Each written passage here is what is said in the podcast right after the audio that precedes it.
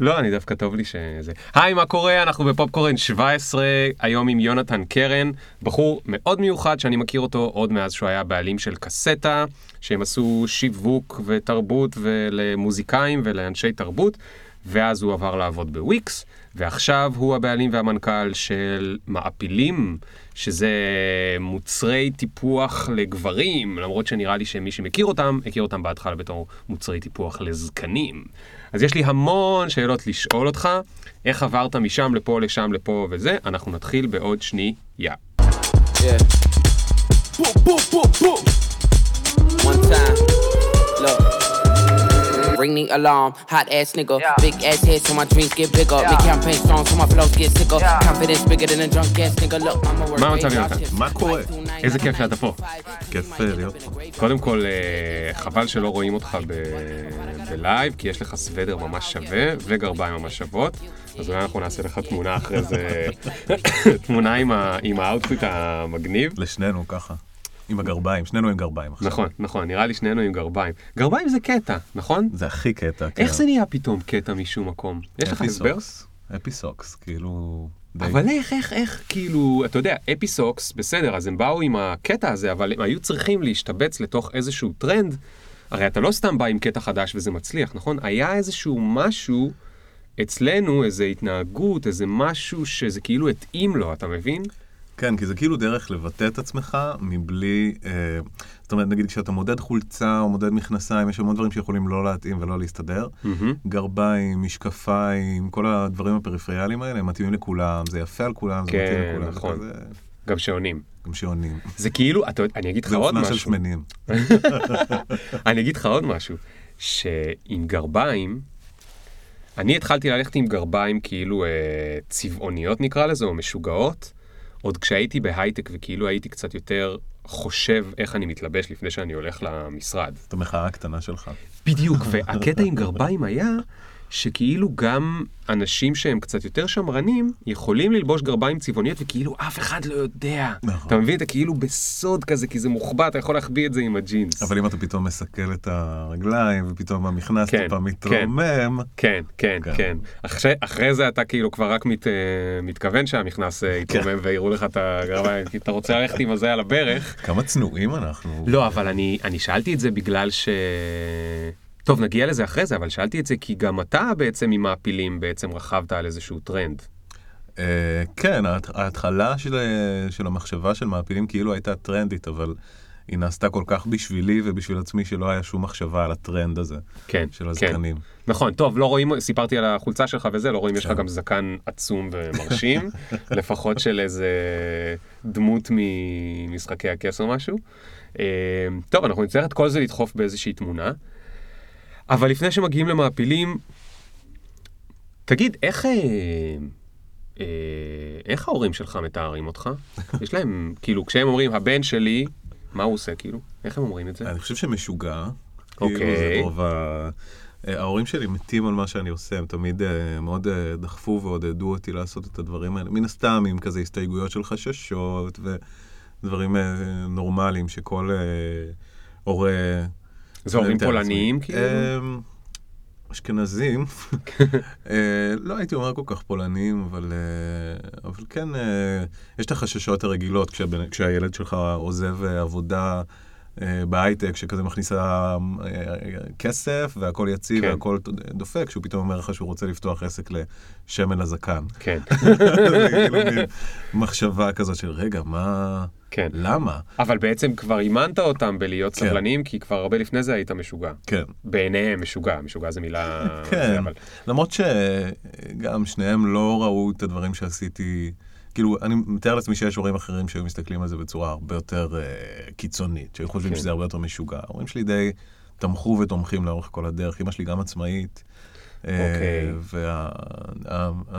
והמחשבה הזאת של לעשות מה שאתה אוהב היא לא זרה, כאילו Mm. היא מוכרת. מה היא עושה בתור עצמאית? אדריכלית ומתווכת, מדהים, כן. מדהים, מדהים, מדהים. כן. לא אמרת מתווכת. מתווכת. כן, מתווכת. מתווכת. טוב, אז רגע, אני אנסה להיות קצת יותר מסודר, כי זה קשה לי להיות מסודר, אני גם לא כל כך אוהב, אבל אני אנסה. אני גם לא, אז כאילו... מישהו מאיתנו צריך להיות אחראי.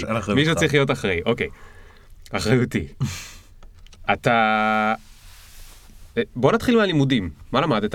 כלום. למדתי, אה, האמת שהלימודים הכי משמעותיים שהיו לי זה כשבכיתה, בסוף כיתה ו' בעצם עברתי עם ההורים שלי לבלגיה לארבע שנים ולמדתי בבית ספר בינלאומי.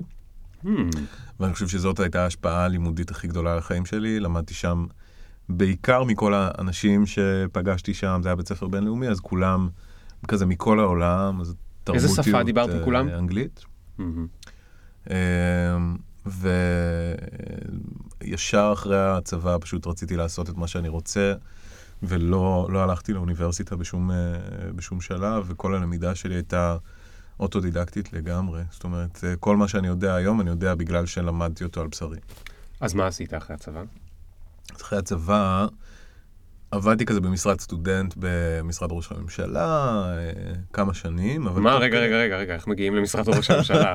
האמת שזה השתל... זה כזה הסתדר לי מאוד, אה, בצורה מאוד הגיונית מהצבא, כי הייתי במודיעין, ואיכשהו זה, כזו, זאת הייתה השתלבות אה, די הגיונית.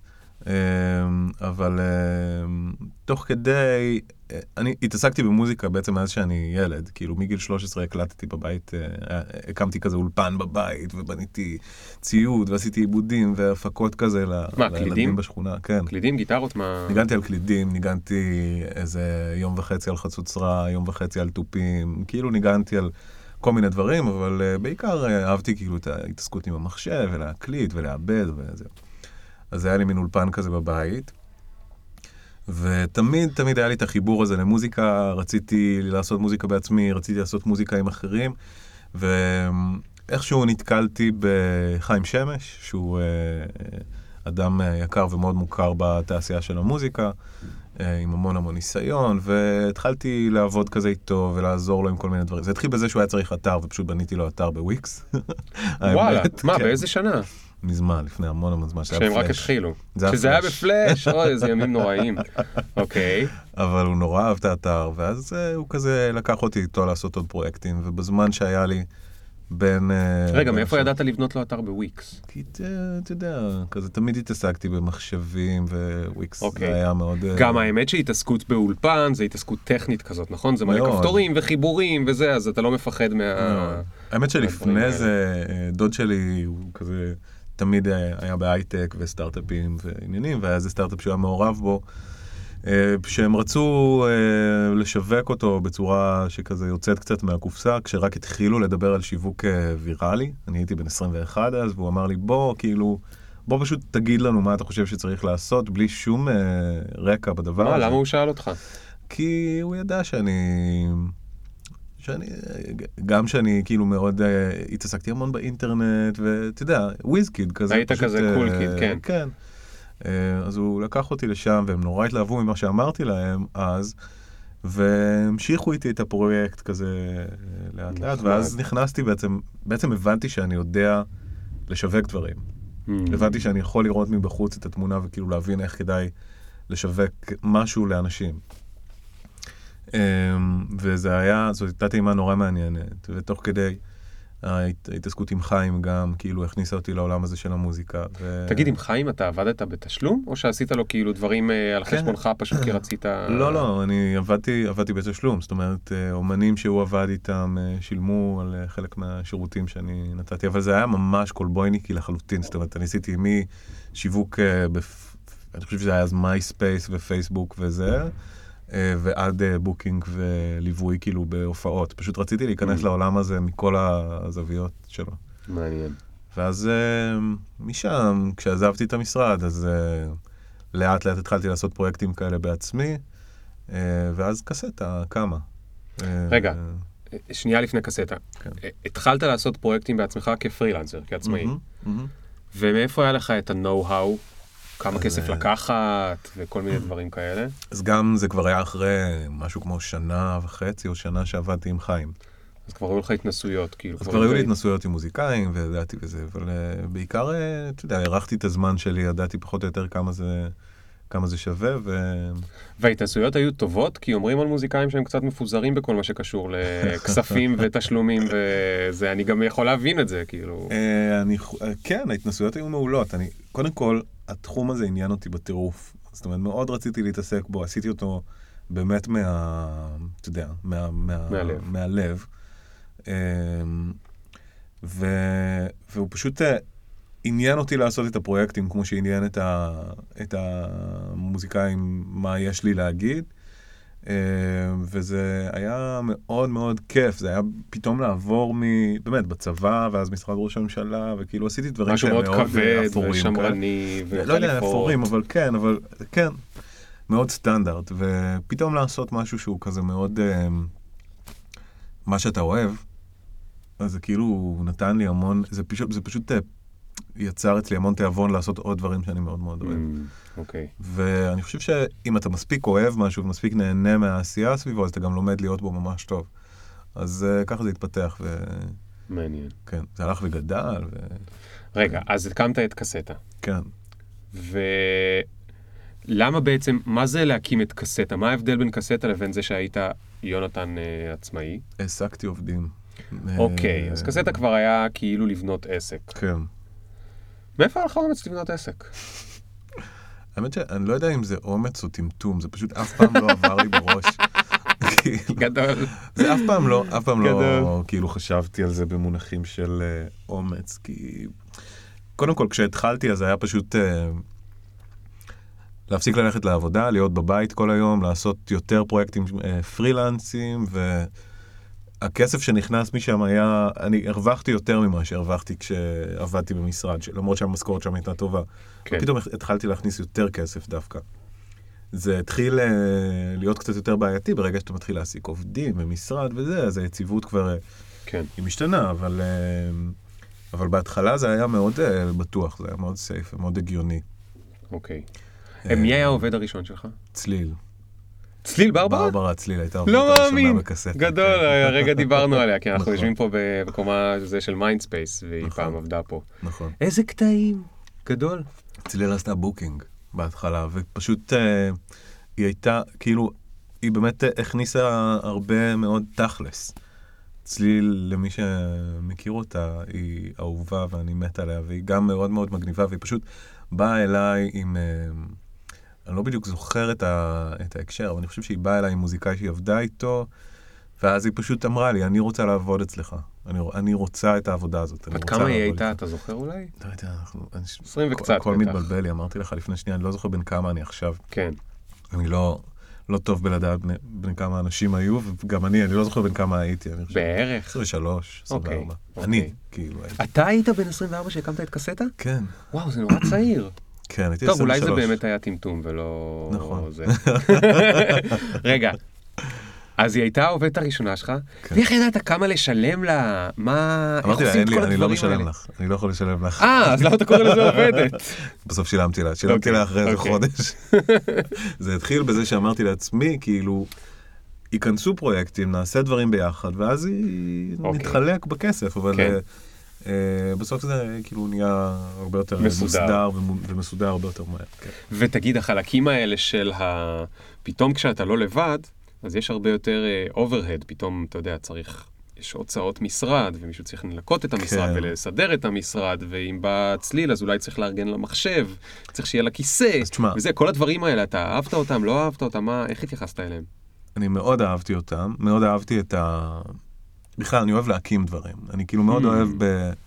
אני מאוד טוב בלהקים דברים, ואחר כך אה, אני משתעמם גם יחסית מהר, אז אני צריך כל הזמן לחדש. אוקיי. אבל אה, זה דברים ממש מטומטמים. אני גם סקרן ברמות שהן לא אנושיות כל כך. זאת אומרת, אני בצבא, אף, כאילו, עד שלא עשיתי עבודות רס"ר, מאוד הסתקרנתי לגבי מה זה עבודות רס"ר, נגיד.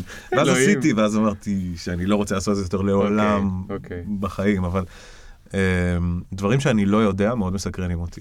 זהו. אז סקרן אותי מרמת ה- ללכת אה, לקנות ציוד משרדי ומחברות ועטים. אני מאוד מאוד רציתי להקים משהו. איזה כיף. לך.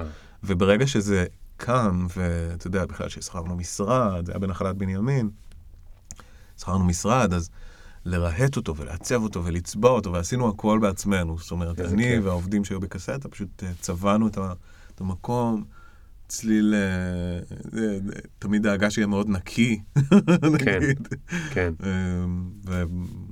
והייתה מין תחושה כזאת של בית מאוד. איזה כיף. אז כמה הייתם אה, שם עוד בנחלת בנימין, לכמה הגעתם? כמה עובדים? כן. אה, אני חושב שבנחלה בנימין היינו חמישה. בסך הכל, קסטה הייתה קיימת חמש שנים. בסופו של דבר היינו משהו כמו שמונה עובדים. המשרד, אה, השתדרגנו למשרד הרבה יותר פנסי בחשמונאים. כן. אה, ושהיה מטר מהבית שלי, זאת אומרת, אני גר בחשמונאים 61, והמשרד היה ב-91. כן. זה היה כל יום ללכת ברגל חצי דקה ולהגיע למשרד, שזה כיף גדול. אמ, אבל אתה יודע, כשזה הגיע כבר לכמות הזאת של העובדים, ולמשרד בסדר גודל כזה, כשזה מגיע ל... זה היה הוצאות מטורפות כל חודש. אז מספיק שאתה יודע, פתאום יש מלחמה, וכל הלקוחות שלך פתאום עוצרים את העבודה לחודשיים. Hmm, אה, אתה בסיכון. המכה שאתה מקבל בבטן היא מטורפת, וכשאתה עסק, אה, רגע, בסופו של דבר... אה, אתה לא מספר את זה כדוגמה, אתה מספר את זה ב- באמת, כי בארץ היו באמת, מלחמות. באמת, הסיבה אז שסגרתי את קסטה אחרי אה, חמש שנים זה הייתה בגלל מלחמה. איזו מלחמה? המלחמה שהייתה לפני...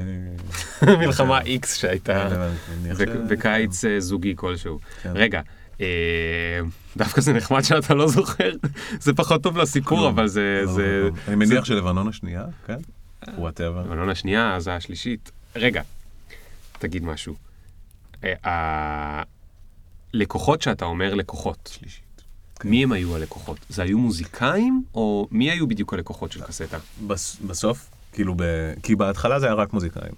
מוזיקאי מה, הוא רצה שתפרסם לו את הדיסק החדש שלו? עשינו אה, שיווק אה, אונליין, יח"צ, booking, ניהול, אה, היינו לייבל בתקופה מסוימת, השקענו באלבומים, אה, זאת אומרת, זה היה מאוד... השקעתם באלבום, הייתם לייבל! אני השקעתי באלבומים, כן. איזה פסיכי אתה, זה פשוט התחשק לך, אז עשית את זה, נכון? כן, באלבומים שמאוד מאוד האמנתי בהם, אז כן. יש labelים שמצליחים בארץ? זאת אומרת, כלכלית, שמחזיקים, ששורדים? יש חברות תקליטים שמצליחות, אתה יודע, כן. יש. אבל uh, זה עסק מאוד מאוד קשה, שאתה עושה אותו... תשמע, אני חושב שאם לא היו מלחמות ואם uh, אם לא היו קרייסיסים כאלה בארץ, אז uh, אולי המצב היה יותר טוב, ואולי גם, אולי גם היום קסטה הייתה קיימת. אתה יודע מה אני חושב שהיית צריך לעשות? היית צריך ללכת על הנישה של המלחמות.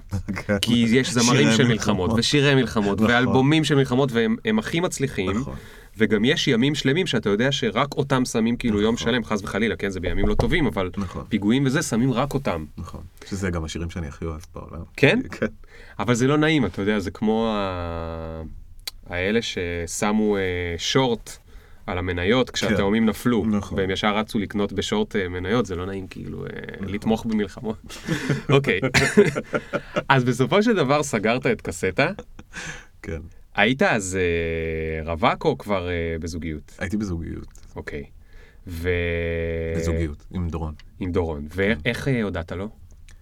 האמת שזה זה מצחיק, זה כאילו... זה התהליך או... לעצמי- אני מתאר לעצמי שהרבה אנשים, כאילו, חלק מהקושי בעצמאות וביזמות, הרי זה איך אתה מסביר את זה למשפחה ולחברים ולבני זוג. ואצלי, כאילו, כולם היו מאוד... אה, מבינים? לא רק מבינים, כשאני רציתי לסגור את קסטה, כי אמרתי, די, אני לא... קשה לי, אני לא יכול יותר עם המחשבות האלה, לקום בבוקר עם הצרבת הזאת ולא לדעת מה קורה בסוף החודש ואיך אני משלם. הדבר הכי קשה היה שאני צריך לשלם לאנשים משכורות, נכון. ולא יכלתי להיות במצב שאני לא משלם לאנשים משכורות, כי זה, כאילו, לא, לא הרשיתי לעצמי להגיע לזה. כן. אבל אמ, אז כשאמרתי לדורון שאני כאילו הגעתי למצב שאני אני רוצה לסגור ואני... קשה לי ואני רוצה לעשות משהו, אני רוצה לעשות ברייק מה, מהדבר הזה. אה, דווקא הוא אמר לי שהוא מאמין שאם אני אמשיך אה, זה יצליח. Hmm. אה, אבל שהוא איתי. זאת אומרת שמה שאני, שאני אחליט זה בסדר, אבל שהוא מאמין שגם אם אני אחליט להמשיך, ואם צריך להתגייס לזה ולקחת איזה הלוואה, או אתה יודע, ל, ל, להתכונן לזה קצת יותר, אז, אה, אז הוא מוכן לעשות את זה, ושזה, אבל מה שאני, מה שאני החלטתי, בסופו של דבר, אני הרגשתי שאני פשוט אה, נפשית, כאילו, אני רוצה את השקט הזה. מה הוא עשה באותו זמן, אם אפשר לשאול? הוא uh, מעצב גרפי, הוא תמיד היה מעצב גרפי, Mm. הוא היה... בגלל זה מעפילים כזה יפה.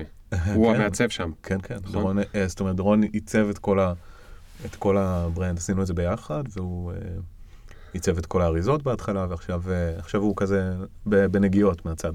אוקיי, אז אז הוא היה מעצב באותו, אני שואל, כי אתה יודע, הרבה פעמים זה גם כאילו משהו שלא מדברים עליו מספיק ביזמות. בסוף, אם אתה ב... אם אתה רווק, אתה רווק. אם אתה בזוגיות, יש מה שנקרא household. יש כאילו בית שצריך לתחזק. נכון. מישהו צריך לקנות נייר טואלט, לשלם ארנונה, חשמל וזה. וכשיש אה, צד אחד יזם, ואם הוא מעצב, אני לא יודע, הוא היה שכיר או עצמאי? שכיר. אוקיי, שכיר. לפעמים יש מצב שבו שני, ה... שני הזה הם עצמאיים, ואז באמת יכולים להיות אה, אה, משהו ש... הקרייסיס יכול להיות יותר גדול. ברור. אה, אבל אתה אומר שקיבלת תמיכה, ומה מה הייתה ההרגשה שלך כשאתה עשית את זה? איך הרגשת? הרגשת שהשמיים נפלו, או להפך, הרגשת שאתה מרחף? כשאתה, כשהבנת שאתה הולך לעשות את זה. אה, זה לא, זה, זה לא כזה דיכוטומי, כאילו זה ממש אה, ערבוב של שני הדברים. אתה אני הרגשתי כאילו אני, כאילו חוויתי פרידה, כשפרידה קשה, אתה יודע, אתה אוסף כזה תמונות וארגזים ודברים מהמשרד, וסוגר אותו, ומפנה את הכל, ומוכר את הציוד ואת הדברים האלה. כשסגרתי, אתה יודע, זה אשכרה תמונה, תמונה כזאת מסרט, שאתה כן. נועל את המשרד בפעם האחרונה ונותן את המפתח, זו הרגשה מאוד מאוד קשה. עם זאת, הגעתי לוויקס ויש קשו במטבח, אז כאילו... כאילו אוקיי, מצאתי, אוקיי. מצאתי זוגיות חדשה מאוד מהר והיא הייתה מדהימה. אוקיי, אוקיי. אתה בחור נוסטלגי באופן כללי? כן. כאילו נגיד. אתה יודע, אה, אקסים וכל מיני כאלה, אתה כאילו משהו לא. שיכול להיתקע שם בזיכרונות לא. וזה? לא, אוקיי.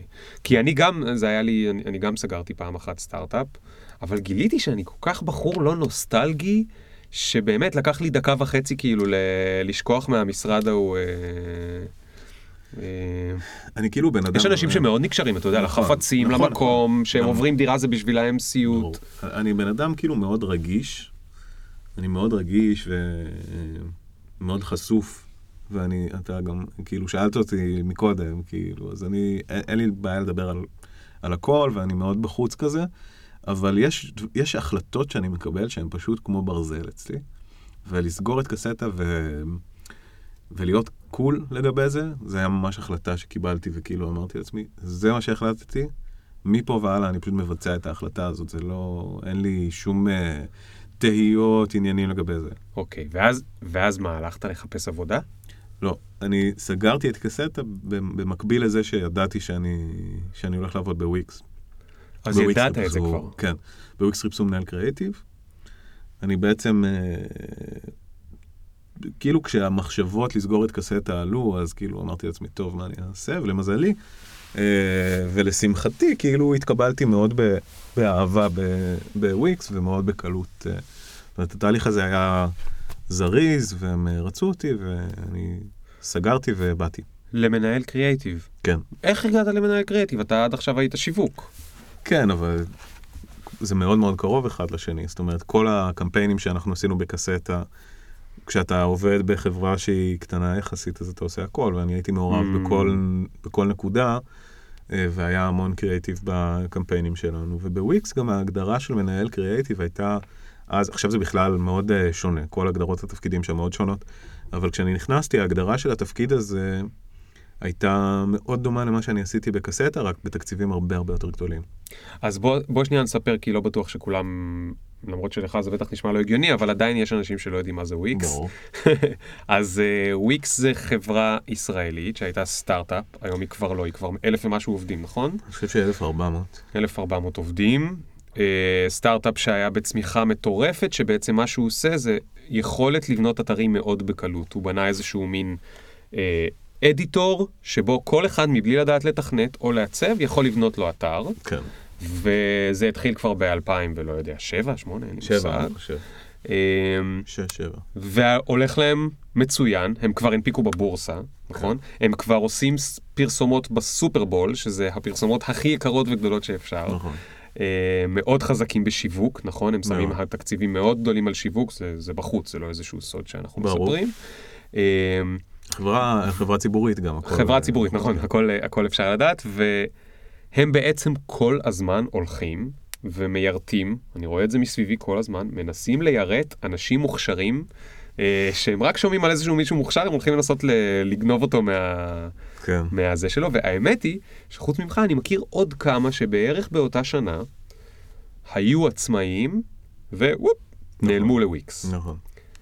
איך אתה מסביר את זה? איך אני מסביר את זה מהצד שלהם או מהצד שלי? מהצד שלך. מהצד שלי, אה, אני פשוט אמרתי לעצמי, אחרי השואה הארמנית הזאת שהייתה בראש שלי בשנה האחרונה, כי זה באמת, זה כאילו נהיה מאוד מאוד קשה, אה, אמרתי שאני צריך סוג של אה, צימר למוח, ואני רוצה את המקום שהוא יהיה הכי נעים וכיפי וטוב ותומך ו... זה, לא היה בדיוק ככה, אבל, אבל היה מאוד כיף, ובאמת אה, באמת היה לי מאוד רגוע ומאוד נעים. אבל יותר מזה, אני חושב שכאילו למדתי המון דברים שלא הייתי לומד בשום מקום אחר. אה, ואני חושב שהחוויה הזאת הייתה מאוד נכונה ומאוד אה, מאוד, מאוד התאימה לי. אני מקווה שגם לוויקס. איך זה היה בשבילך פתאום לעבוד עם אה, בוסים ושאתה צריך לדווח, וזה גם חברה בצמיחה, אז כל הזמן יש בטח עוד אנשים שצריך לספר להם, ועוד אנשים שמתערבים, ועוד... אה, לא היה קל, זה לא קל. כאילו בתור אחד שהיה רגיל להיות הבוס. כן, אבל אני כן חושב שכדי להיות בוס טוב, אתה צריך גם לדעת לעקוב אחרי הוראות. זאת אומרת, אני חושב שכשאתה מנהל אנשים, אתה גם צריך לדעת מה זה להיות מנוהל.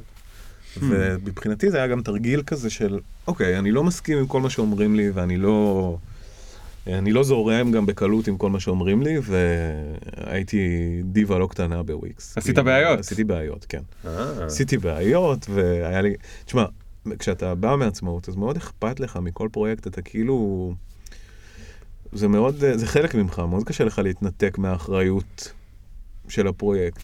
כן. אמ, וכש... אבל, אבל אתה יודע, אתה מאוד צריך לנסות להבין את ה-DNA של המקום שאתה נכנס אליו. בסך הכל אתה נהיה חוליה קטנה במקום ענק, ואתה צריך אה, להמשיך את הקו שהמקום הזה יוצר. אתה לא יכול לבוא ולייצר משהו שהוא שלך לגמרי, וצריך לדעת למצוא את המקום שלך בתוך הפאזל הזה. אז אה, זה היה לי מאתגר, אבל זה גם היה לי מאוד, אה, מאוד כיף, ורוב הזמן זרמתי עם זה מאוד טוב. היו שם אנשים מתחתיך? כן. כמה? אה, שלושה? שניים, שלושה. ואיך זה היה? אמ, זה היה כיף, כי אני חושב שאני מנהל טוב, ואני חושב שהיה לי מאוד כיף שהיו, ש...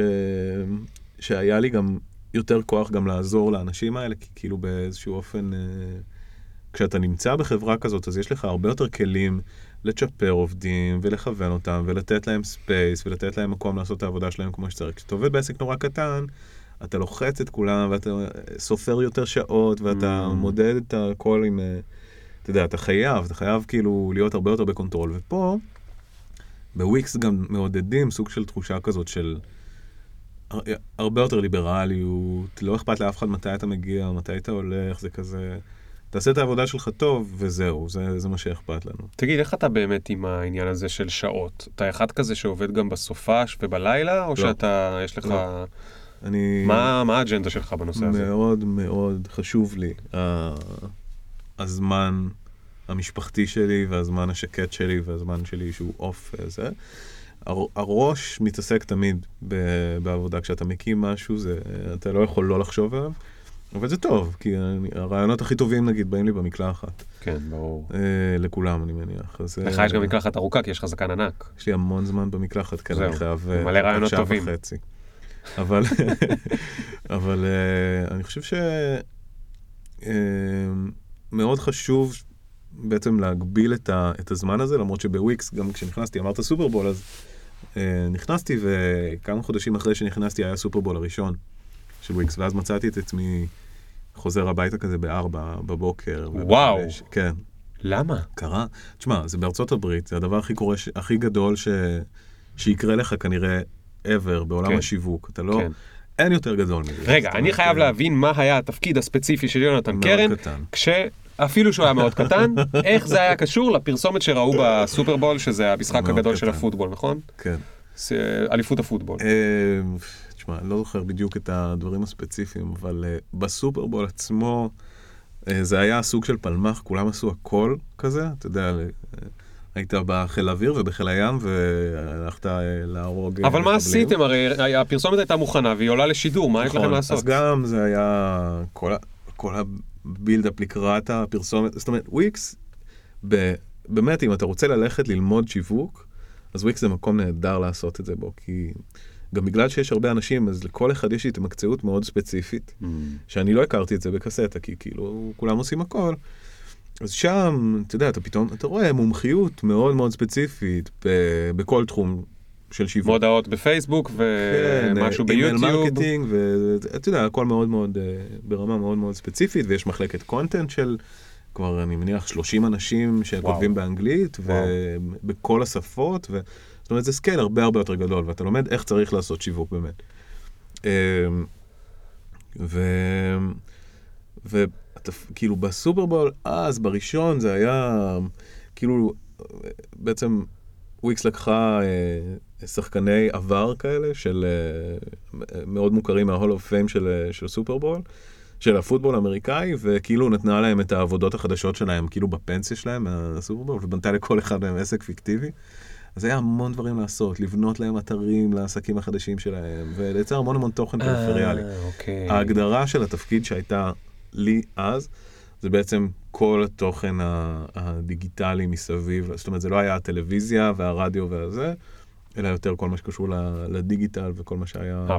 ברשתות החברתיות? גם, כן, כאילו... אוקיי, אז. נגיד כשבכל מיני מקומות דוחפים שגם בפייסבוק יהיה כבר טריילרים של הפרסומת, נכון? היו כבר טריילרים של הפרסומת עוד לפני כן, שהייתה את הפרסומת. כן, היו, אבל זה גם לא היה קשור. טיזרים או לא יודע. אני התעסקתי בכל הדברים הדבילים, לבנות להם אה, עסק אה, עם אתר אינטרנט שיש בו איזה משחק פלאש מטומטם שאתה תופס עוגות וכל מיני כאלה דברים, ולייצר המון המון דברים איזה מסביב. מושקע, לזה. כן. איזה מושקע. כי מה, כי האמריקאים. האלה כאילו רואים את הפרסומת ואז הם גם הולכים לבדוק את האתרים שלהם, כאילו. תשמע, זה שילוב גם של סופרבול, זה אירוע מטורף, מטורף. וגם, אה, אה, וגם שהשחקנים האלה שהיו בפרסומת, זה אנשים שהקהל האמריקאי מאוד מאוד אוהב. Hmm, יש להם מלא מיליוני followers. מעריצים, ונורא נורא מעניין אותם. אז פתאום שפרנקו האריס פותח עסק להפקת חתונות, אז אנשים נכנסים לאתר הזה ורואים מה יש שם, וחיכו להם שם המון דברים נורא מעניינים. כן. מישהו עוד בטח אה, ניסה להזמין חתונה משם, כאילו. כן. אוקיי. אז למה עזבת את וויקס אם היה כל כך טוב? Uh, אני, אגיד, אני אגיד לך רגע מה היה המסלול שלי בוויקס. אני נכנסתי כמנהל קריאיטיב בהתחלה, ואז התפנה, בעצם נפתח ג'וב שהיה סוג של עם השם שלי עליו, מבחינתי, כן. כן. Uh, וויקס בעצם עובדת במודל של companies. כל הוורטיקלים הם מחולקים ל companies, לתת חברות כאילו סטארט-אפיות בתוך וויקס. אז נגיד וויקס מיוזיק, שזה בעצם כל הפנייה של וויקס למוזיקאים, זה company נפרד בתוך וויקס. שבפועל יש לו את כל המשאבים של וויקס, אבל הוא עובד כקבוצה יותר קטנה. כן.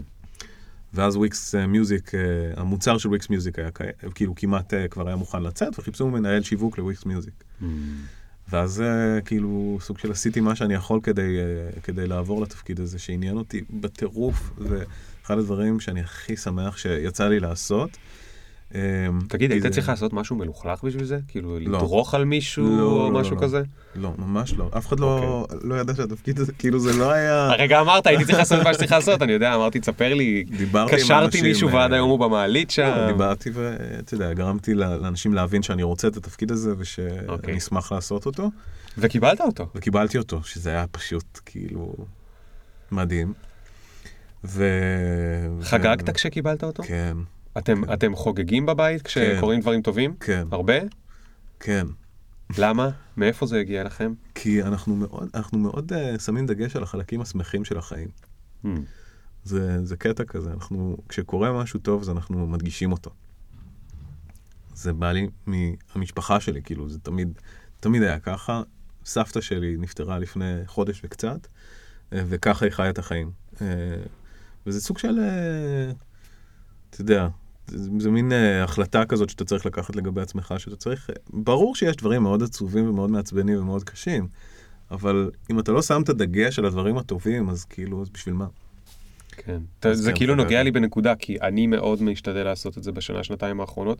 לא תמיד הייתי ככה. כן. הייתי להפך, כשהייתי מגיע לאיזשהו הישג, הגענו למשהו קטן, עוד אז בסטארט-אפ הראשון, לא משנה מה, אז ישר מתחיל, כאילו אני לא יכול להיות מרוצה, כי אני ישר צריך להתחיל את ההישג הבא. נכון. ובלי ההישג הבא זה לא שווה כלום.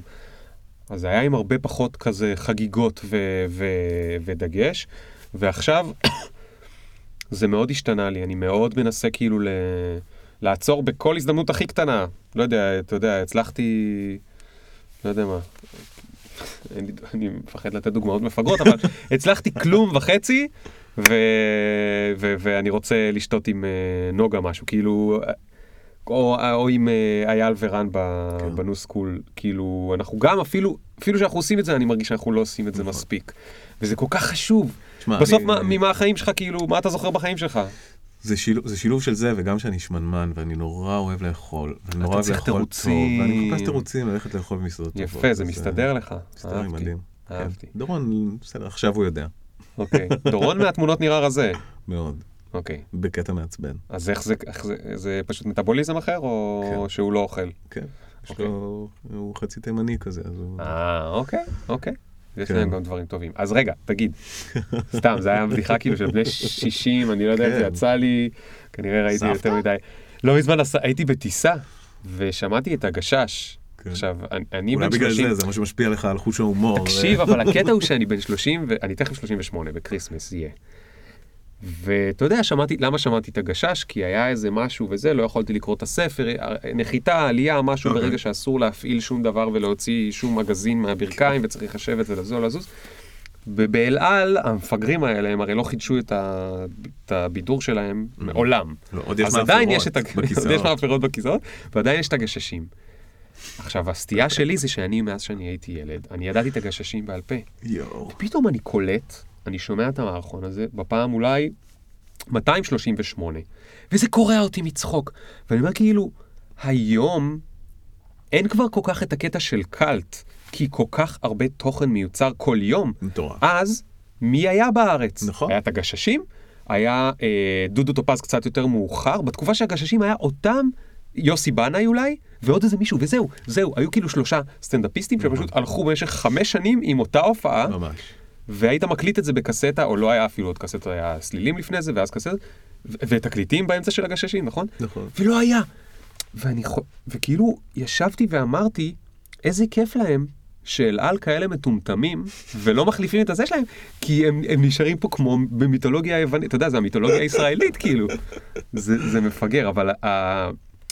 זה באמת השפיע על ההומור שלי. כן. והבנתי שהרבה מההומור שלי היום, שאני לא אקרא לו מפותח, אבל מהקצת שיש, הוא נולד שמה, כאילו, אתה מבין? במשחקי מילים ובדברים, ואז זה... זה... טוב, לא חשוב, אני מבין שאתה יותר צעיר ואתה לא יכול להתחבר. לזה. טוב, אז למה עזבת את וויקס? אמ, זו שאלה ממש טובה.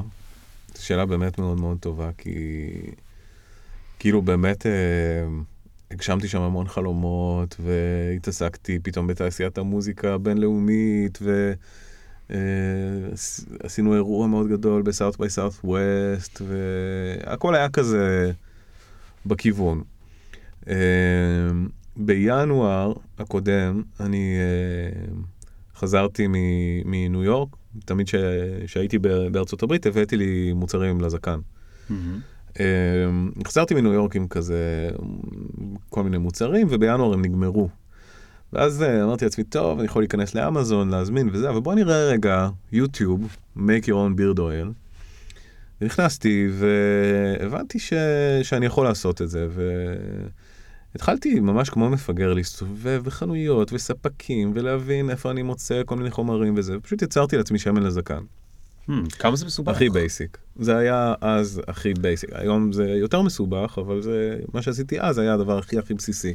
שהדבר הבסיסי הזה, מה זה. אומר? כאילו, דמיין לי את זה. זה- זה שמן. זה במטבח סירים, או מה מה כן, זה? זה? זה ממש ישבתי במטבח עם... אה, זה, זה היה נורא כיף גם התהליך, אני הלכתי פתאום לחנויות של כל מיני ציוד מדעי וציוד למעבדות, וקניתי כזה מבחנות, וקניתי כוסות מדידה ומשקלים, ופשוט בגלל שזה היה מין קטע כיפי כזה, זה היה תחביב כיפי.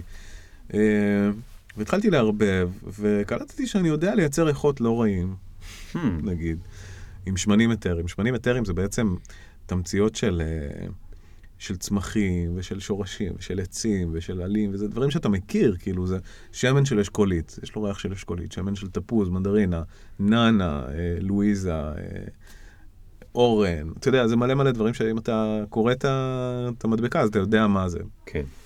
פשוט אה, יצרתי תערובות כאלה של ריחות ושל שמנים, והיה לי נורא כיף עם זה, ואז דורון ואני ביחד, אה, השם מעפילים פשוט צץ במקלחת.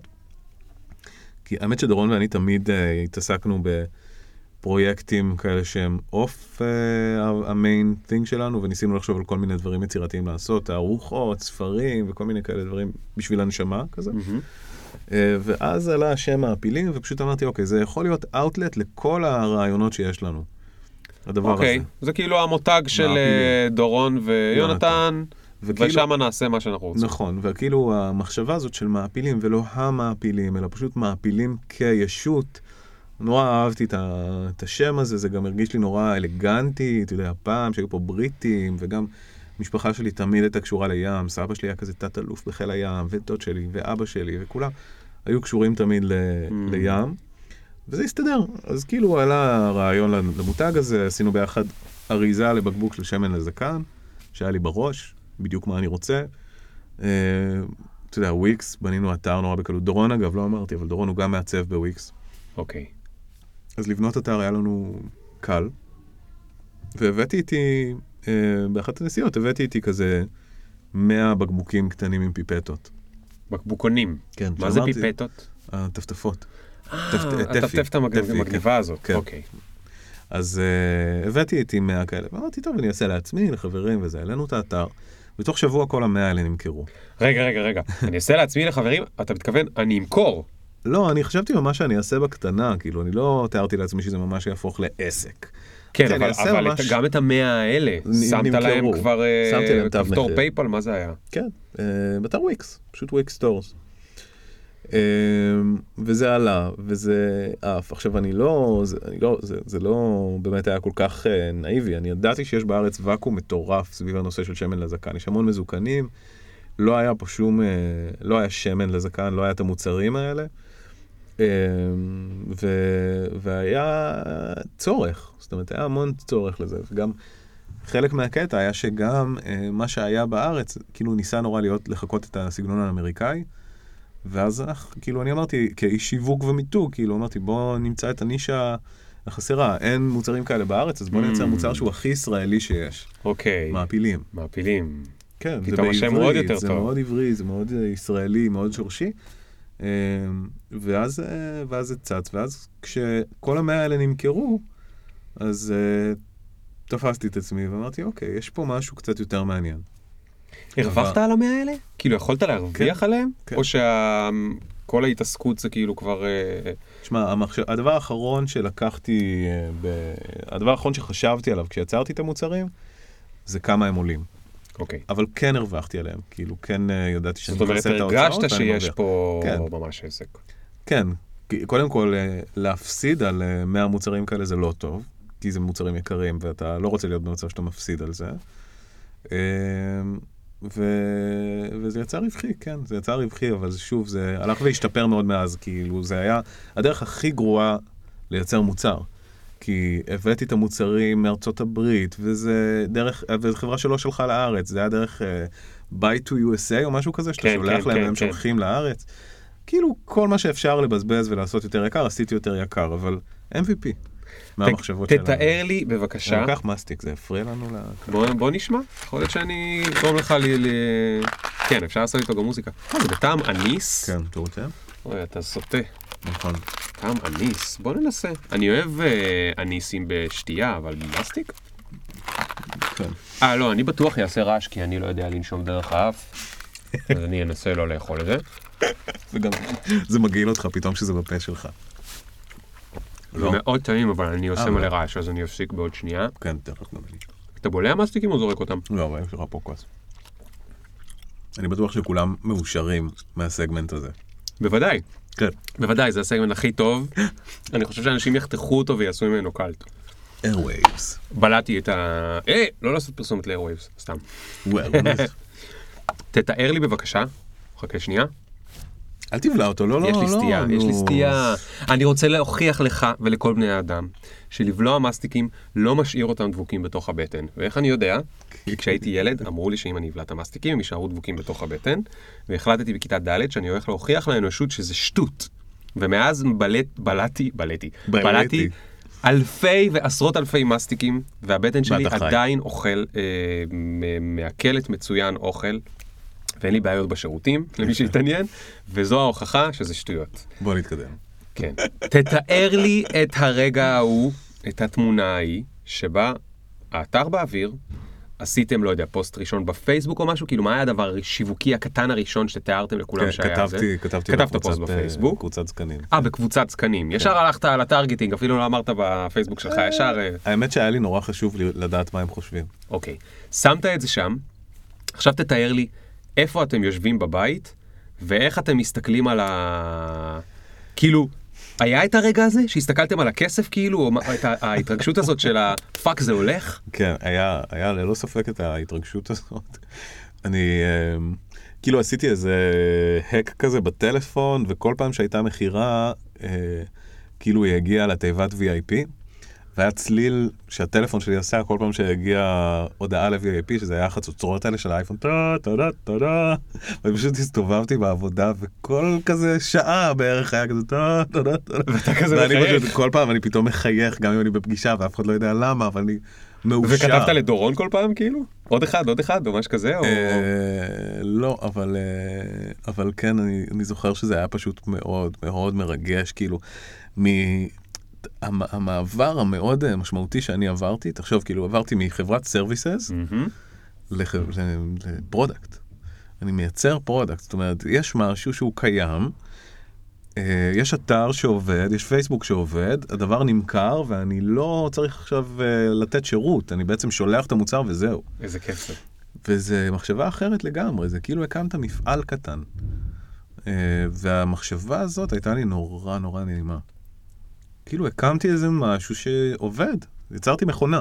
כן, זה מטורף. כן, שאתה יכול יותר ויותר אה, שהיא תעבוד אה, מעצמה כזה. אבל כשזה קרה, הרמתי טלפון לאחותי, מור, שהיא אה, עורכת דין, מהמם. אה, עצמאית, ואמרתי לה, מור, אם זה גדל, אני, כאילו, את, את לוקחת את זה. מה זאת אומרת? אמרתי לה, אם זה גדל, אני לא יכול, אני עובד בוויקס, אני, יש לי דיי ג'וב, אני לא יכול להתעסק בלשלוח בדואר כל הזמן. אבל למה שהיא תיקח את זה? כי אני, אני ואחותי מאוד קרובים, מאוד uh, משלימים אחד את השני גם, וידעתי שאם אני רוצה לתת לזה את הפוטנציאל באמת לצמוח כביזנס, אז אני צריך להכניס מישהו, ומאוד אוהב את אחותי, וזה היה כזה, לי זה הרגיש טבעי. ו, וכהוכחה, התשובה שלה הייתה, מה זאת אומרת, גם אם זה קטן אני לוקחת את זה, זה מדהים, אני רוצה לקחת את זה. אוקיי. ומאז אנחנו שותפים בעסק. Hmm. אה, ואנחנו אה, עושים את הכל ביחד, כשבעצם היא סוג של ה-COO של העסק, היא אחראית לכל האופרציה, Operations. כל מה שקשור לתקשורת עם המפעל, עם ספקים, עם המשלוחים. עם רגע, מה זה עם המפעל? טוב, שנייה, תכף תספר לי איך עברת ממטבח אני למפעל. כבר לא מייצר את זה במטבח, לצערי. כן, אני מבין. אני לא יכול. אבל רגע, תכף תספר לי על זה, רק תספר לי שנייה מה קרה עם וויקס. איך אז הייתה ההחלטה? זמן. מתי הייתה ההחלטה? כאילו, מה... לקח זמן, כי זה היה כזה, זה, אתה יודע, זה גדל בצורה הדרגתית, לאט לאט. אה, אה, מה שהיה מאוד, מה שהיה משמעותי זה שהתחלנו, אה, עשינו תערוכה שנקראת פרחים זה גברי. שוב, אחת ההחלטות לגבי מעפילים, שזה התבשל אחר כך, הייתה בכיוון הזה של slow living ולעשות את מה שאתה אוהב. אה, היה מאוד עמוס בוויקס ומאוד קשה ומאוד נהניתי, אבל כאילו הרגשתי שאני מאוד נשאב לזה. ובמעפילים זה היה סוג של הגשמה של חלום, כאילו אני יכול לעשות מה שאני רוצה.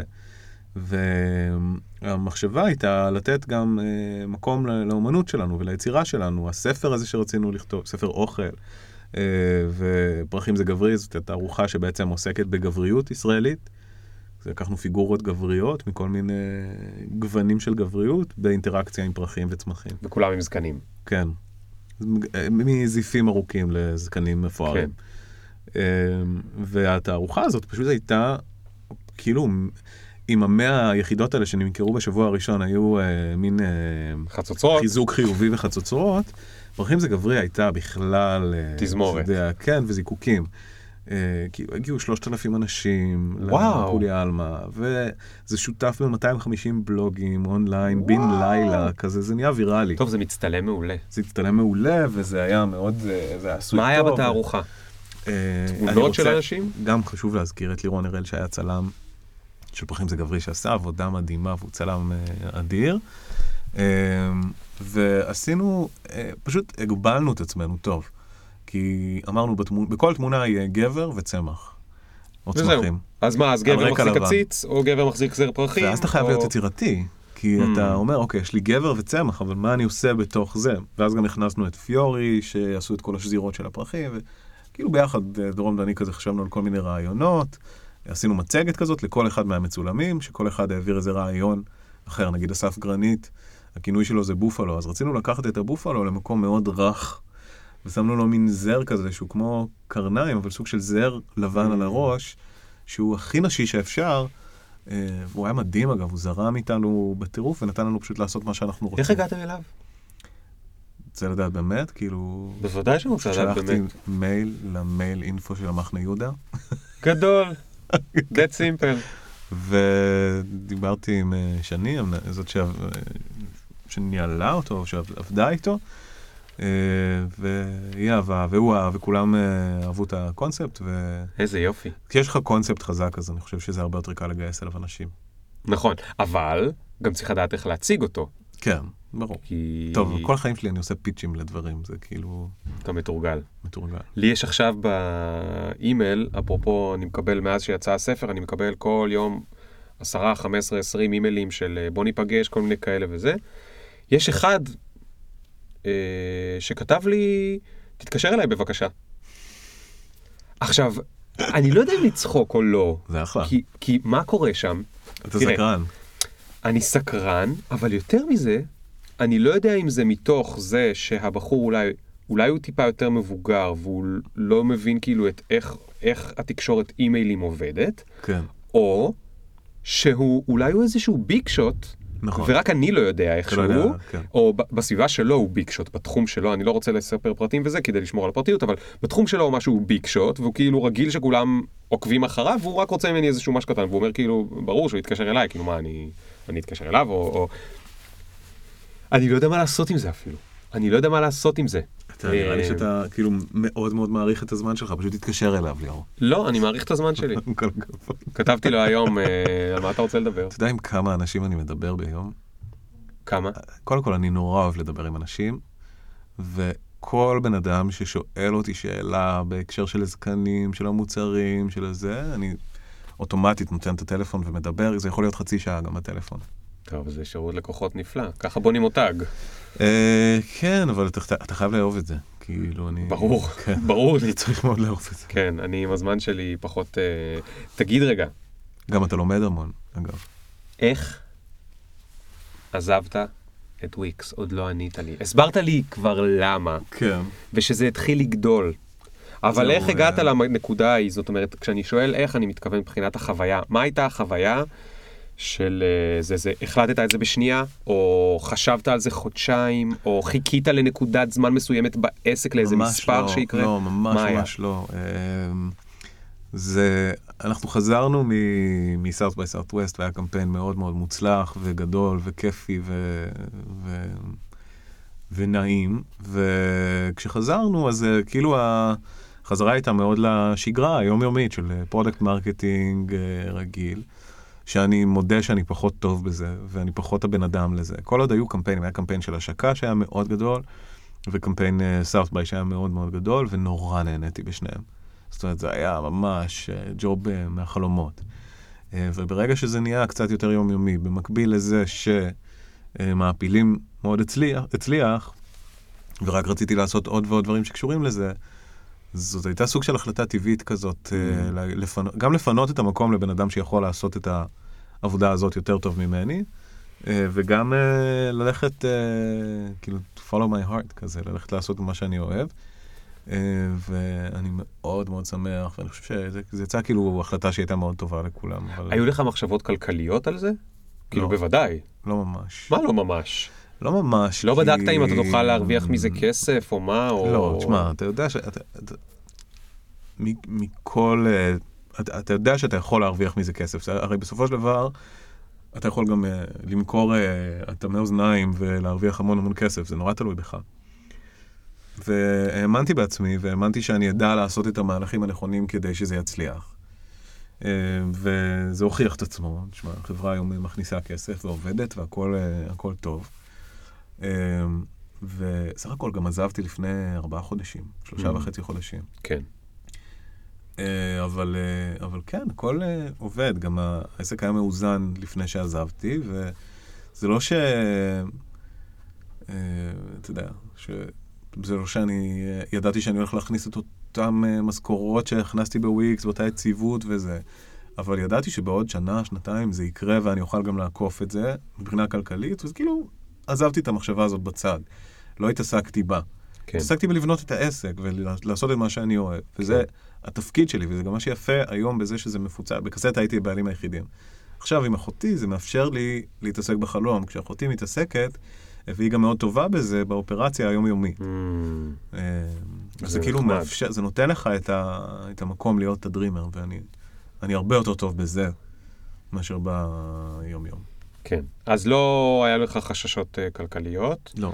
חששות אחרות? סתם, למשל, הרבה פעמים כשאתה זה- עוזב חברה חשש- כזאת... אגב, רגע, אני מתקן, ברור שיש חששות כלכליות. זה לא שאתה, אתה לא סתום, כאילו, אתה לא... כל עסק עצמאי, יש בו סיכון הרבה יותר גבוה מלעבוד בוויקס ולהכניס משכורת. אבל אני חושב שהקו האדום שאנשים שמים לעצמם הוא בדרך כלל הרבה הרבה יותר רחוק מאיפה שהוא צריך להיות. זאת אומרת, הסיכון שאתה לוקח לכאורה בזה שאתה לא עובד שלושה, ארבעה, חמישה חודשים, אה, וכאילו בואו נשים את זה בפרופורציות. כשעבדתי, כשהייתי הבעלים של קסטה והוצאתי 120 אלף שקל בחודש, במינימום, אה, זה היה סיכון הרבה יותר גבוה. זאת אומרת, התמודדתי עם סיכונים. כן. אז, ו- ושרדתי ואני חי והכל בסדר ויש לנו אה, את כל מה שאנחנו צריכים בחיים. אנחנו לא רעבים ללחם. כן. אה, אז אני חושב שהרבה פעמים אנשים מסביב אה, מפחדים הרבה יותר ממה שהם צריכים. זאת אומרת, אתה יודע, לא קורה שום דבר ויש לך המון מנגנוני הגנה ואפילו ביטוח לאומי וכל ה... אה, זה כאילו, אתה יודע, אתה, אתה לא, לא תרעב ללחם כל כך מהר. כן, אתה יודע, זה, זה קל מאוד להגיד, אבל, אבל אנשים עדיין מאוד מאוד מאוד מפחדים. ברור. כאילו, אני חושב שזה מאוד עזר לך, זה שכבר בגיל מאוד צעיר אתה כבר היית עצמאי, וראית, כן, גם בתקופ... ועברת תקופות קשות. כן. אה, ברור, זה בנה אותי בטירוף. החמש שנים האלה בקסטה זה... לא הייתי מגיע לשום דבר מהדברים האלה שאני עושה היום, אם לא היה את זה. ואני חושב שגם בוויקס מאוד העריכו את זה כשנכנסתי, אה, שבאמת הייתי צעיר, וניהלתי חברה, ועובדים, ו... אה, הדברים שעשינו גם היו מאוד יצירתיים, זה היה במוזיקה, בתרבות, וזה גם מאלץ אותך לעשות קמפיין ב-4,000 שקל. כן. כשבוויקס פתאום אה, עשיתי קמפיין במיליון שקל, אז כן. כאילו זה מאוד שונה. אתה עושה עכשיו קמפיינים, קמפיינים למעפילים. כן, בקטנה. בקטנה. כן, פייסבוק. אוקיי. ותגיד, היו לך גם אולי את המחשבות האלה של, אה, טוב, יש לי תפקיד טוב פה בוויקס, סומכים עליי, וזה תפקיד גדול, ואני יכול להגיע ל... לא יודע, אם החברה תמשיך להצליח, אולי אני יכול להגיע לתפקיד גדול וזה, ולעשות משהו שמשפיע על המון אנשים, ומוצר גדול וזה. ועכשיו בעצם מה אני הולך להתעסק עם אה, שמן לזקנים בעברית כאילו שוק הקטן והמסכן הזה שוק פצפיצון כזה כן. היו לך מחשבות כאלה? זה מה שנקרא חרדת סטטוס, יש, יש ספר כזה מאוד טוב של אלן דה בוטון, זה שאתה אתה כל הזמן משווה את עצמך לעצמך אלטרנטיבי או לאחרים מסביבך. כן, יש לך כאלה? לי יש כאלה לפעמים. כן. עד היום, אה, למרות שאני לא בהייטק כבר שנים, יש לי כאלה לפעמים. לא, אני חושב שכשאתה... כשהייתי שנתיים בוויקס, בשנתיים האלה אתה, כאילו באמת התעסקתי ב... אתה יודע, אתה-. לוויקס יש היום 90 מיליון אה, משתמשים, זאת אומרת, זה קהל עצום של משתמשים. אה, ורק לשלוח email marketing פתאום, אתה שולח... כל, כל שבוע אתה מוציא email marketing ל... לא יודע מה, לשישה מיליון אנשים, זה כאילו זה fucking לכל היהודים שמתו בשואה. כאילו, וכולם מקבלים מייל. זה כמות מטורפת של אנשים, זה כל מדינת ישראל. כן. ו... ואם אה, הלינק שבור, כן, oh my god, זה נורא. אבל בדיוק אותו פחד יש לי לפני שאני מוציא אה, מייל לרשימת תפוצה, הפצפונת של מעפילים. כאילו פצפונת ב- ביחס למיליוני אנשים. כן. אה, אבל אה, אני ממש לא, לא הסתכלתי על זה בעניין של scale, כאילו לא עניין אותי שבמעפילים אני יכול לפנות לפחות אה, אנשים, וזה אגב, עכשיו אנחנו מתרגמים את המוצרים לאנגלית ומתחילים למכור בארצות הברית, וזה כבר, זה לא, זה לא שוק קטן, כן. אבל, אבל זה ממש לא, לא העסיק אותי. כן העסיק אותי ש... שיהיה לי 100% מה-say. שמה שאני לא אעשה, גם אם זה דבר פצפון וקטנצ'יק, וזה אריזה של מוצר שאתה יודע, עניין אותי שאני בסופו של דבר אהיה ה final, אה, יהיה לי את ה final say, ואני אני מחליט איך זה ייראה, ו... וזה זה זה מה priceless, שמאוד אה? מאוד עניין אותי. זה כן. פרייסלס. לא כולה, זה לא בשביל כולם, יש לא. אנשים שלא אוהבים, להפך, רוב האנשים אוהבים לקבל החלט... כאילו לקבל הוראות ולקבל זה וזה, אבל כן. מי שאוהב את זה, את השליטה ואת ההחלטות ואת הזה, זה מאוד קשה לו. נכון. זה, זה, זה priceless. טוב, אז, אז אה, ממש בדקות האחרונות שנשארו לנו, אני רוצה כן שתספר לי איפה מעפילים היום ומה החלום שלך לגביה. אוקיי, אז מעפילים היום אה, מוכרת אה, לגברים ישראלים וגם לנשים אגב, יש, אה, יש לא מעט רוכשות למרות שהמוצרים מיועד, מיועדים לגברים. אה, ואנחנו התחלנו משמן לזקן והתרחבנו היום בעצם למה שקשור ל grooming אה, גברי כללי עם אה, שמפו, סבון, מרכך, מוצרים לשיער. ו... אה, וה vision הוא, הוא למלא את כל החלל הזה של ה grooming וה lifestyle הגברי הבוטיקי האיכותי. כי לגברים יש היום מוצרי mass market. אה, טובים, ואתה יודע, יש כל מיני חברות שעושות מוצרים טובים ש, שנמצאות ב, בסופר פארמים ו, וכולי. אה, ומוצרים נשיים שהם בוטיקים, אבל אין מוצרים שהם גבריים בוטיקים. נכון, עכשיו, זה נכון. בארץ, זה גם בחו"ל, זה נישה שיש בה המון המון מקום אה, למלא, ואנחנו אה, כאילו הולכים על המקום הזה. אה, כשה vision הוא בסופו של דבר להיות אה, חברה שמוכרת בכל הערוצים, online, retail, wholesale, מוצרים של אה, טיפוח גברי ומוצרים ש, שעוזרים לך לייצר לייפסטייל יותר כיפי ונעים אה, בבית שלך. מטורף. אה, אז מה, אתה חולם על חברה של אלף עובדים? אני לא חולם על חברה של אלף עובדים, אני, אני מתכנן חברה של אלף עובדים. אנחנו, מאוד היה חשוב לנו לבנות תוכנית עסקית כמו שצריך, ו, ולבנות את זה, אה, זה, זה ממש מפגר. אני אגיד משהו מפגר ומביך, אוקיי? הגיע הזמן, משפט- הגיע הזמן, תכף מסיימים. יש משפט שנחקק לי בראש, שמי שאמרה אותו זה אופרה. אבל זה בטוח לא היא אמרה ראשונה, ובטוח מלא אנשים מכירים אותו, ואני סתם מפגר בזה שאני זוכר את אופרה אומרת את זה, נו. אבל פשוט Don't build a house on sand, בגלל שכאילו, אם אתה תבנה אותו על חול, אז הוא, it'll crumble along the way.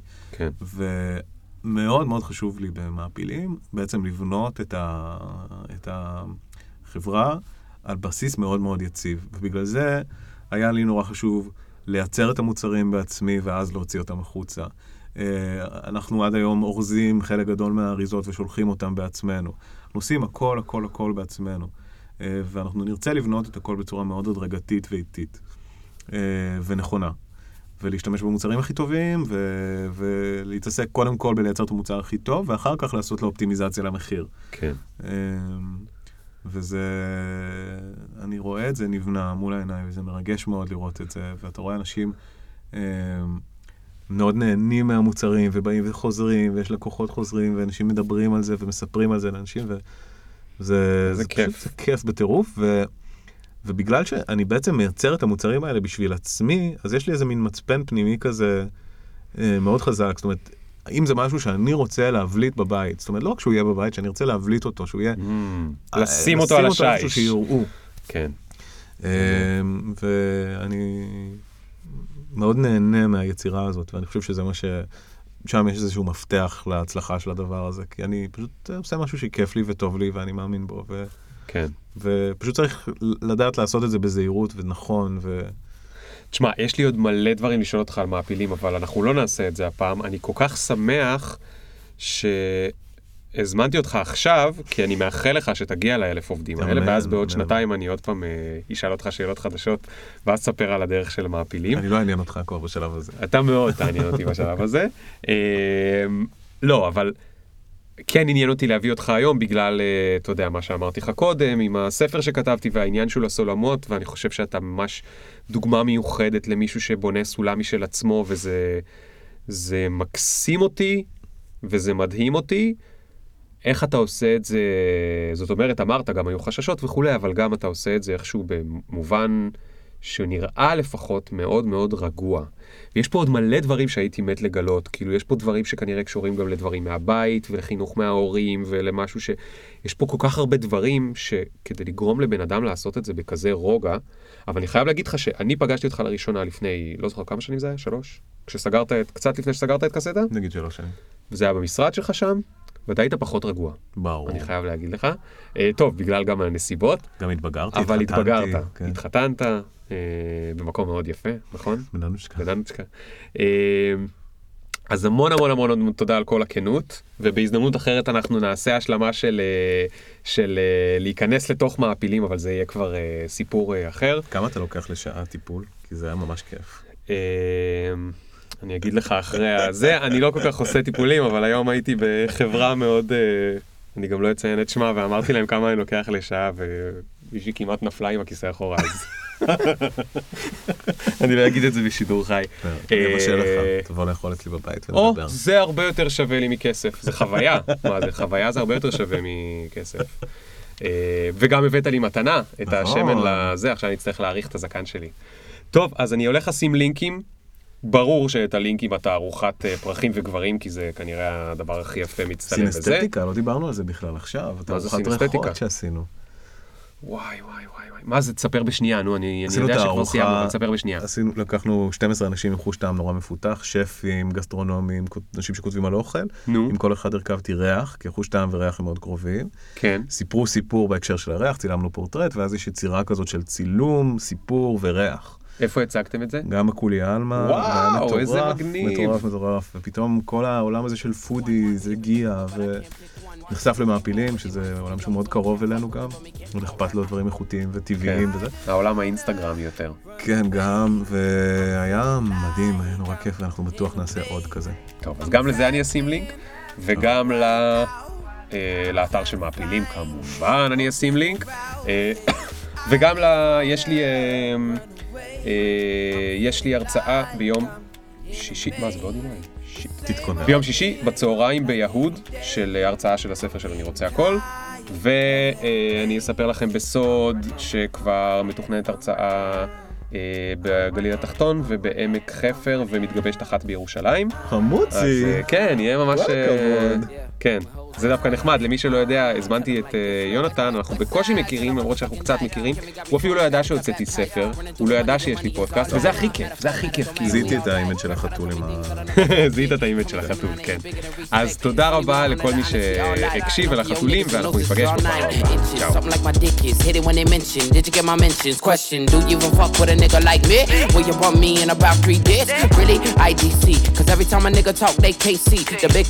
צ'או. can't go run, but me can't repeat. No.